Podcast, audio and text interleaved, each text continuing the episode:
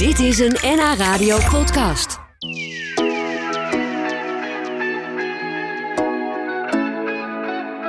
Uit Amsterdam is Bart Ruimer aankomen rijden, onze gast van vandaag. Hij is acteur, producent, schrijver, directeur van de Filmacademie. Maar ook de zoon van Piet Reumer, de beroemde acteur die we allemaal nog kennen van eh, Schaap met de Vijf Poten. En natuurlijk de oerbaantjer, als ik hem zo mag noemen. Uh, ruim tien jaar na de dood van zijn vader heeft Bart nu een boek geschreven met levenslessen die hij kreeg van zijn vader. En ook eentje van zijn moeder trouwens. Welkom Bart, fijn dat je er bent. Uh, leuk om er te zijn. Ja, en ik begrijp dat dit wel bekend terrein is voor jou, hè? Dit gebouw, het M-gebouw in Hilversum. Ik heb dit gebouw letterlijk gebouwd zien worden. Oh ja? Ja. Toen werkte jij, zou je hier gaan werken? Of ik werkte bij de KRO en ja. toen zou de, de, de AVRO, KRO, NCV in één gebouw gaan zitten. Dat werd dit gebouw. Dus de totstandkoming, uh, ik heb het letterlijk vanaf het begin meegemaakt. En het was, uh, zoals dat in keurig Nederlands heet, fucking hell. zoals altijd, toch? ja. ja, maar als je een heel gebouw neer ziet uh, gezet worden... het is ook wel weer indrukwekkend lijkt Ja, absoluut. Ja, Zeker. Ja, maar heb je er dan ook ooit gewerkt? Of zit je nu eigenlijk nee, voor de nee, nee, eerste nee. Ik heb, hier, ik heb hier jaren gewerkt. Oh, grappig. Ja. Leuk. En toen zag het er nog een beetje anders uit. Het is natuurlijk allemaal aan de binnenkant allemaal een beetje gereshuffeld. Ja. En veel beter geworden, vind ik. Ja, ja, mooi. Nou, wij zitten hier dus ook en jij bent bij ons. Dat vinden we fijn, want je hebt een heel mooi boek geschreven over die levenslessen van je vader en eentje van je moeder. De presentatie die was afgelopen weekend. Hoe, hoe was dat? De hele familie erbij? Hele familie erbij, bijna de hele familie erbij. Dat, met zo'n grote familie lukt dat niet altijd. Het was een warm bad. Kan, Ja? niet, kan niet anders zeggen. Ja, Oh, het, was een, uh, ik moet, het is een hoogtepunt in mijn leven. Kan, niet ander, kan, kan, niet, kan er niks anders van maken. Nee, wat, wat bijzonder. En uh, ik vroeg me namelijk ook nog af, je hebt uh, natuurlijk nog een paar broers. sommige daarvan zijn ook wel eens bij mij geweest. Ja? Peter, die heeft ook wel eens een boek geschreven met zijn vrouw. Die is al bij, een keer bij ons geweest. even kijken, we hebben Paul, we hebben Han. Uh, en nog een zus heb je ook. Mijn zus, Anne. Ja. ja. En wat, wat vinden zij er nou van dat jij een boek hebt geschreven? Uh, eigenlijk ook een beetje ja, over, over hun vader, uh, jullie vader en moeder en jullie jeugd. Ja. Want het gaat heel erg ook over hun natuurlijk.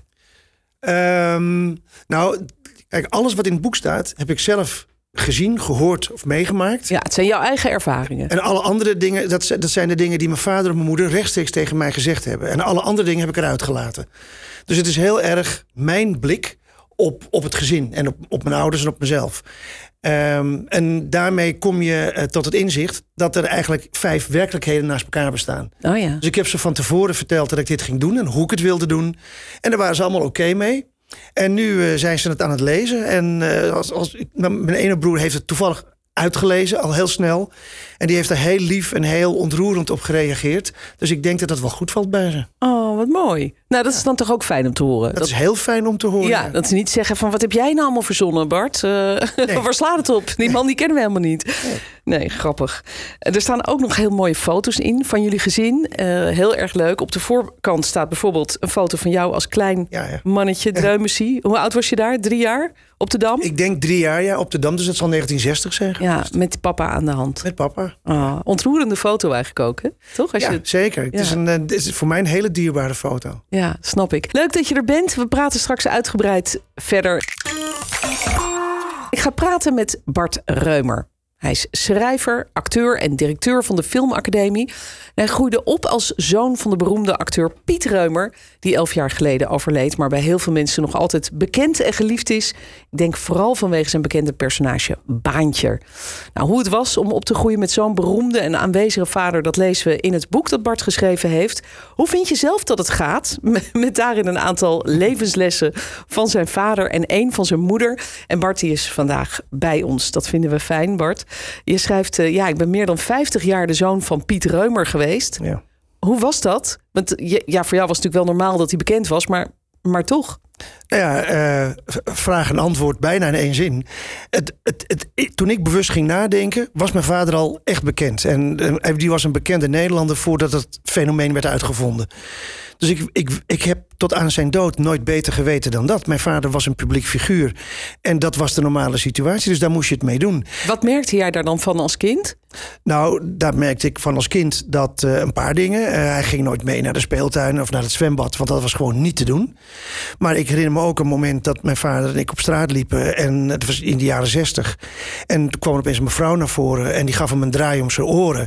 En die voegde hem toe van, je moet maar eens wat liever wezen voor je vader. Wat in Stief Ben en Zoon, wat, in Oh. die- wat op televisie liep, was hij natuurlijk een beetje een, een soort uh, nukkige zoon voor zijn vader. En altijd, ze hadden altijd ruzie met elkaar. Oh ja. En ja, daar werd geen onderscheid gemaakt. Want je kwam op de televisie, je kwam bij de mensen thuis. Ja. En die mevrouw vond dat mijn vader liever moest zijn voor zijn vader. Ja, dat personage viel helemaal samen met de echte persoon. Nou, dat vond Eigenlijk. die mevrouw. Mijn Ja, vader vond dat niet, maar die mevrouw vond het wel. Ja. En, en dat merk je er dus van. Vreemde mensen die het heel normaal vonden om hele privé dingen tegen je te zeggen en te doen of je te vragen. En mijn vader was daar wars van. Ehm, dus Ja? de- nou, die vond het moeilijk. Die vond het moeilijk om ermee om te gaan. Dat je je anonimiteit verliest. Weet je, en dat klinkt ongelooflijk, ehm, eh, ja, weet ik niet, eh, eh, aanstellerig, maar dat is het niet. Als je, als, je, als je echt niet anoniem bent, of je nou een brood gaat halen of een ommetje maakt, maar iedereen kijkt naar je, ja. iedereen spreekt naar je, En heeft een mening. en iedereen of- heeft een mening over je. Dat, is, dat, is, dat is best iets om mee om te moeten gaan. Ja. En mijn vader kwam uit een arbeidersgezin, uit een arm milieu. eh, heeft de eerste jaren van zijn. heeft tot aan zijn. Nou ja, tot hij acteur werd, echt moeten knokken voor zijn brood. Eh, heeft hij ook gedaan. En dan ben je in één keer eigenlijk. Binnen een jaar of tien ben je opeens. behoor je tot de culturele elite van Nederland. Heb, eh, verdien je goed geld. Kun je bijna maar niet ben meer je over ook- straat. Ja. ja. Maar ben je ook van iedereen? Eh, Hoe, hoe, hoe, wat, hoe moeilijk was dat voor hem? Wat, wat deed dat met hem? Ehm, hij heeft daar altijd mee geworsteld. Ja, hij, hij, vond het niet, hij vond dat niet fijn. Nee. Terwijl hij natuurlijk wel gewoon graag acteur wilde zijn. Dus Ja. dan wil je natuurlijk ook wel ergens dat publiek hebben en, en een beetje in de spotlight staan, toch? Nou, ja, maar de- kijk, dat publiek, dat had hij. Ja. Want eh, daar was hij, daar was hij, hij was weinig dingen trots in zijn leven, behalve op zijn kinderen. Daar was hij wel trots op. Eh, was op die televisieringen die hij gewonnen heeft. Dat is een prijs van de kijker en dat vond hij fantastisch. Ah ja. Dus hij had een contact met zijn publiek.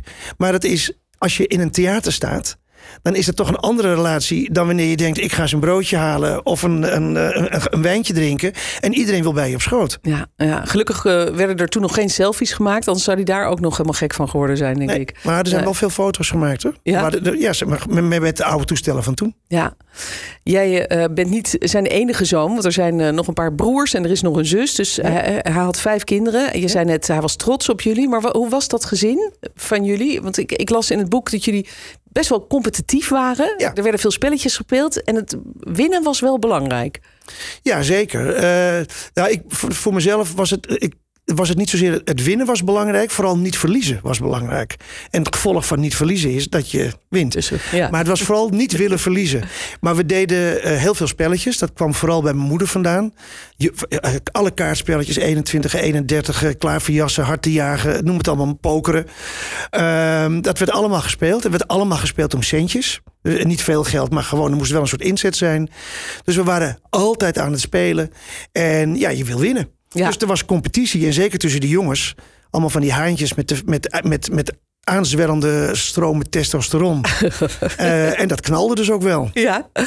Maar het is wel een hechte familie. ja, hè? Jazeker, we houden van elkaar en we zoeken elkaar ook op op, op, op hoogtijdagen en op verjaardagen. En, eh, dus het is een hechte familie geworden. En dat is wat mijn ouders heel graag wilden. ja, dat hebben ze goed gedaan toch ook? Dat hebben ze goed gedaan uiteindelijk. En, dat hebben ze, en ze hebben gekregen wat ze wilden. Ja, mooi. En een familie van verhalenvertellers. Dat schrijf je ook in het boek. Ja. Eigenlijk jullie zijn ook allemaal bij of theater of bij eh, film of op tv eh, Ja. gaan werken.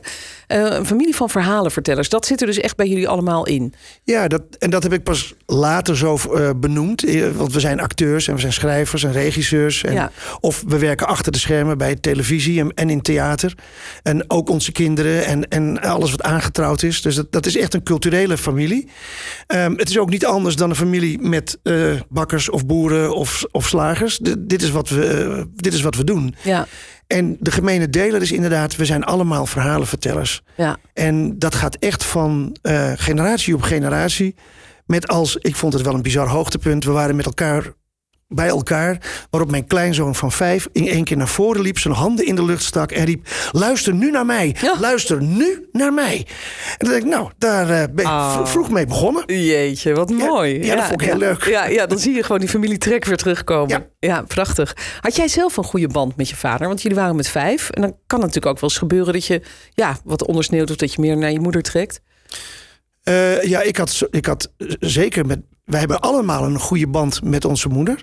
En we hadden ook een goede band met mijn vader. Maar hij verschilde wel van aard. Kijk, eh, op een gegeven ogenblik was mijn vader. Lange jaar, ik denk wel meer dan 15 jaar. Hij was mijn vader. Hij was mijn buurman. Hij was mijn eh, huisbaas. Hij was mijn collega en hij was mijn vriend. Oh. Dus er liepen echt vijf van die rollen door elkaar heen. Ja, jullie, jullie woonden boven elkaar? Of, Wij, eh, hij woonde boven, ja. hij woonde op drie hoog, wij op twee Ja. hoog en mijn jongste broer op één hoog. Wauw. Dus die kinderen liepen ook gewoon dat hele pand op en neer. Maar mijn oudste broer die zei me, ja, ik heb me dat nooit zo gerealiseerd, maar ik ben naar huis gegaan en dan zie je je ouders op nog gezette tijden. Maar jij bent echt 15 jaar lang dagelijks daar ook de buurman geweest. Ja, ja. En dat geeft een andere relatie, een ander soort band. Ehm, die verschillen zijn er wel. Ja. Maar we, we- uiteindelijk hadden we wel degelijk een, een goede band. En als ik voor mezelf spreek, dan had ik ook een hele liefdevolle, warme band met mijn vader. Ja, dat blijkt ook heel erg uit jouw boek. Het is, het is heel liefdevol geschreven, maar er staan ook zulke mooie warme herinneringen in. Ja. Eh, ook wel wat botsingen, want je vader was niet de allermakkelijkste. Nee. En jij zelf misschien ook niet altijd. Nee, ik ben niet de allermakkelijkste. nee. nou, je hebt er heel eerlijk over geschreven in, eh, in, in dit boek. We praten er zo nog even over verder. Dan eh, wil ik nog meer horen over die levenslessen. Want daar gaat dit boek natuurlijk over. De lessen die je hebt, hebt geleerd van je vader. Ik praat nog even verder hier in Lunchroom op NH Radio met acteur, schrijver, producent Bart Reumer. Die een liefdevol boek schreef over de lessen die hij leerde van zijn beroemde vader Piet Reumer. Die onder andere beroemd werd door zijn rollen in eh, Het Schaap met de Vijf Poten. En natuurlijk ook als baantjer, de oerbaantjer, mogen we wel zeggen. Eh, het boek heet Hoe vind je zelf dat het gaat? Is dat meteen zo'n les Ja, van je vader? ja dat, dat was een les, ja. Eh, het was bijna een les van mijn ouders. Ik, eh, ik was geloof ik voor de tweede keer bezig, of de derde keer bezig... eh, mijn best te doen om niet over te gaan op de middelbare school. omdat ik echt geen zak aan vond. En ik had zo'n tussenrapport met allemaal onvoldoendes. En dat moest je laten aftekenen. En dat moet je door je ouders laten doen. En die Zo zaten naast elkaar op de bank, wat al bijzonder was, want dat gebeurde niet zo vaak. En ik verwachtte een donderpreek of een huisarrest of weet ik Ja, veel. Maar ik verwachtte, ik verwachtte iets. En mijn vader keek mij aan en eh, die zei: eh, Hoe vind je zelf dat het gaat? En dat had ik niet verwacht. Nee. En eh, dus ik, daar moest ik wel even over nadenken. Maar het antwoord was: ja, Nou ja, nee, dat gaat, gaat niet zo denderend. Nee, Nee. is niet zo goed. En dat heeft jou geholpen, hè? want daarna ben je enorm gaan knokken. Ja, maar dat kwam ook door de vervolgvraag die daarop zat. Want de volgende vraag was: Moeten wij ons zorgen maken? Ja. Toen dacht ik, ja, die- als ik ja zeg, dan heb ik een probleem. En als ik nee zeg, dan hang ik ook. Want dan moet ik ook zorgen dat, ik, dat ze zich geen zorgen hoeven te maken. Dus, Ja. Maar ik zei nee. ja. Dus, ik heb me, dus zij hoefde zich geen zorgen te maken. Mijn vader zei, prima, dan gaan we daarvan uit. Ze, ze tekende dat eh, rapport.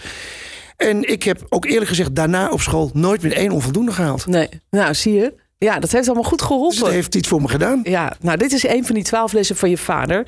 Maar er staat ook één les in van je moeder. En het Ja. is wel bijzonder, want dat is de laatste les van het boek. Ehm, eh, Was jouw moeder ook iemand die wel het laatste woord had in zaken? Of is dat nou vooral in dit boek? Nee, mijn moeder was niet zozeer iemand die het laatste woord had. Eh, maar mijn, mijn moeder was een, eh, hoe moet ik dat nou zeggen? Was wat, die hoeft ook het laatste woord niet te hebben. Die deed gewoon altijd haar eigen ding. Ja, ja. En, en wat was dan precies haar les? Doe je eigen ding. Haar, maar- haar, haar les is, en dat is niet zozeer een. Ook die lessen van mijn vader. Ik, ik werd niet wekelijks bij hem geroepen. En dan hadden we het erover. Dat is over een periode van 30 jaar. Dat hij af en toe iets tegen me zei. Mijn moeder, die gaf niemand les, maar die, die, die leefde het voor. Mijn moeder oordeelde niet. En mijn moeder veroordeelde zeker niet. En ik dacht altijd dat dat aangeleerd gedrag was. Maar het was wel effectief. En ik heb heel veel mensen gezien. Van de burgemeester van Amsterdam tot de rijkste man van Nederland. Tot iemand van de stadsreiniging. Die gaat naast mijn moeder zitten. En binnen no time werden ze allemaal heel vertrouwelijk. En gingen ze allemaal confidenties delen met mijn moeder. En die luisterde. En die vond niks. En dan als ik die mannen later tegenkwam, een aantal, die zeiden ze: Je bent toch die zoon van, de, van Penin? Eh, Doe je moeder de groeten, zo'n lieve vrouw. Ach, En ik dacht, dat is aangeleerd gedrag. Dus dat kan ik ook. Want dat is heel goed. En ik kan het niet. Want Nee. het blijft mijn moeder kreeg Alzheimer. En die werd van binnenuit uitgehold, zal ik maar zeggen. En toen bleek dat dat gewoon haar kern was. Het was haar persoonlijkheid. Ja, dat bleef overeind. Dat bleef ook tot het laatst overeind. En ik vond dat ook fijn, omdat het mij ontsloeg van de verplichting om het ook zo te willen. Ja. Het is, ik kan het wel, het is aangeleerd gedrag. Maar ik heb het niet zo van nature als mijn moeder het had. Nee, maar het is wel mooi dat je het gezien hebt. En daarmee is dit boek Ja. eigenlijk ook een monument niet alleen voor je vader, maar ook voor je moeder, vind ik. Eh, dus dat, dat is mooi. Ehm, Dat vind ik ook hoor. ja, hadden zij een, een, een goed huwelijk? Want in het boek schrijf je ook wel over nou ja, de problemen die ze Ja. wel hadden. Omdat jouw vader ook wel eens eh, nou ja, eh, buiten de deur zijn broodjes ging halen. Zeg. Zeker. Ehm, hoe, hoe, was, hoe was hun relatie? Waren ze gelukkig samen? Eh, Wij, wij, waren een, een, eh, wij waren een gewoon gezin in bijzondere omstandigheden. Mijn ouders waren uiteindelijk 65 jaar getrouwd. En die hebben allerlei hoogtepunten en dieptepunten meegemaakt. Maar daar zijn ze op de een of andere manier met elkaar uitgekomen. Ja. En daar, eh, het, het een was wat heftiger dan het andere. En maar ik, ik weet dat er op een gegeven ogenblik was er echt een soort ver- vertrouwensbreuk. Tussen, me- vanuit mijn moeder naar mijn vader. En eh, toen heeft mijn moeder ook besloten, maar ik blijf wel. Want daar, eh, eh, ja, ook, ook, dit is ook mijn leven. En dat vond ik een hele sterke beslissing. En uiteindelijk is daar daarna weer een, een, een liefdevolle relatie gegroeid. Die anders was dan voorheen, maar echt wel liefdevol was. En dat vond ik ook bijzonder. Mooi, mooi om te zien. Mis je ze nog steeds? Want ze zijn natuurlijk allebei al een tijdje overleden. Ja, Ja. Ja, ik mis ze allebei. En ik moet, moet ik zeggen, eh, de afgelopen maanden met het schrijven eh, heb ik ook heel vaak van ze gedroomd. Daar werd ik ook wel eens moe van, eerlijk gezegd. Dus ik ben ook blij dat ze nu alweer op hun eigen plekje gaan. Maar ja, ik mis ze wel. Ja. Ja. Kan ik me voorstellen. Het, het, het boek heet Hoe vind je zelf dat het gaat? Twaalf lessen van mijn vader en één van mijn moeder. Geschreven door Bart Reumer, de zoon van Piet en Penien dus. En eh, die verhalen die eh, staan in dit, eh, in dit boekje. Dank dat je hier was, Bart, Leuk om er te zijn. met je bijzondere verhalen.